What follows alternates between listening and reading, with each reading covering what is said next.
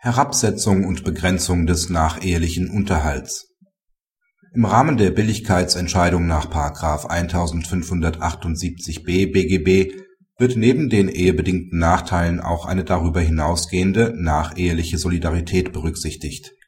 Die Bemessung des angemessenen Lebensbedarfs, der sich nach dem Einkommen errechnet, das der unterhaltsberechtigte Ehegatte ohne die Ehe und Kindererziehung zur Verfügung hätte, ist dabei die Grenze für die Herabsetzung der herabgesetzte Unterhaltsbedarf muss jedoch das Existenzminimum des Unterhaltsberechtigten erreichen.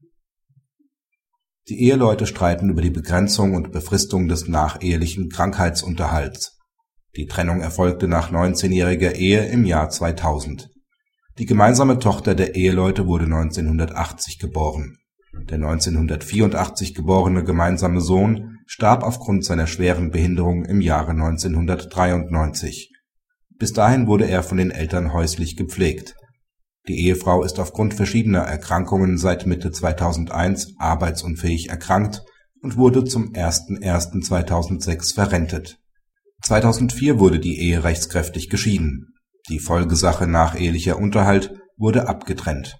Das OLG änderte die Entscheidung des Amtsgerichts, wonach ab Januar 2005 monatlich 1.698 Euro Unterhalt zu zahlen sei dahingehend ab, dass es zuletzt ab Januar 2006 monatlich 847 Euro zusprach und diesen Betrag ab Oktober 2010 auf 337 Euro herabsetzte. Der Ehemann begehrt mit der Revision die Herabsetzung des Unterhalts bereits ab Januar 2008 und die zeitliche Befristung bis Dezember 2009. Die Ehefrau wendet sich gegen jede Herabsetzung bzw. zeitliche Befristung der BGH hat die Entscheidung des OLG aufgehoben und die Sache zurückverwiesen.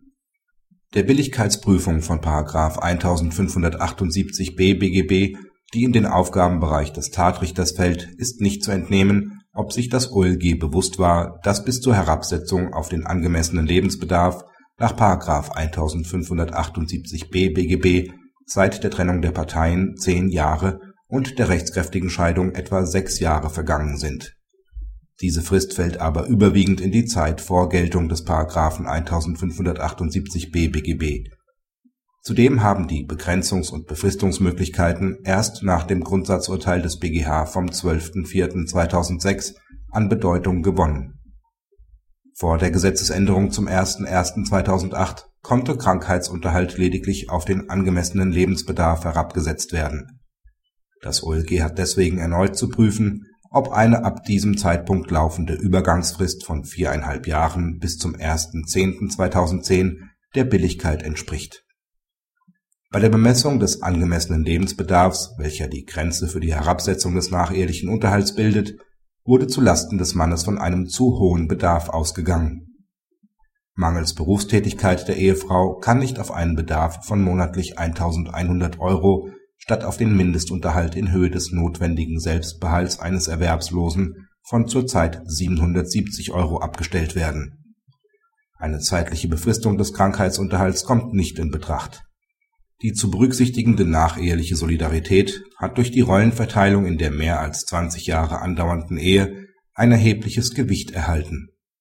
§ 1578b BGB beschränkt sich nach dem Willen des Gesetzgebers nicht auf die Kompensation ehebedingter Nachteile, wie sich aus dem Wort insbesondere des § 1578b Absatz 1 Satz 2 ergibt. Praxishinweis Die Begrenzungs und Befristungsmöglichkeiten gemäß § 1578b BGB bestehen auch dann, wenn die Unterhaltsansprüche nach § 94 SGB XII auf den Sozialhilfeträger übergegangen sind und dieser nach § 94 Absatz 4 Satz 2 SGB XII zukünftigen Unterhalt geltend macht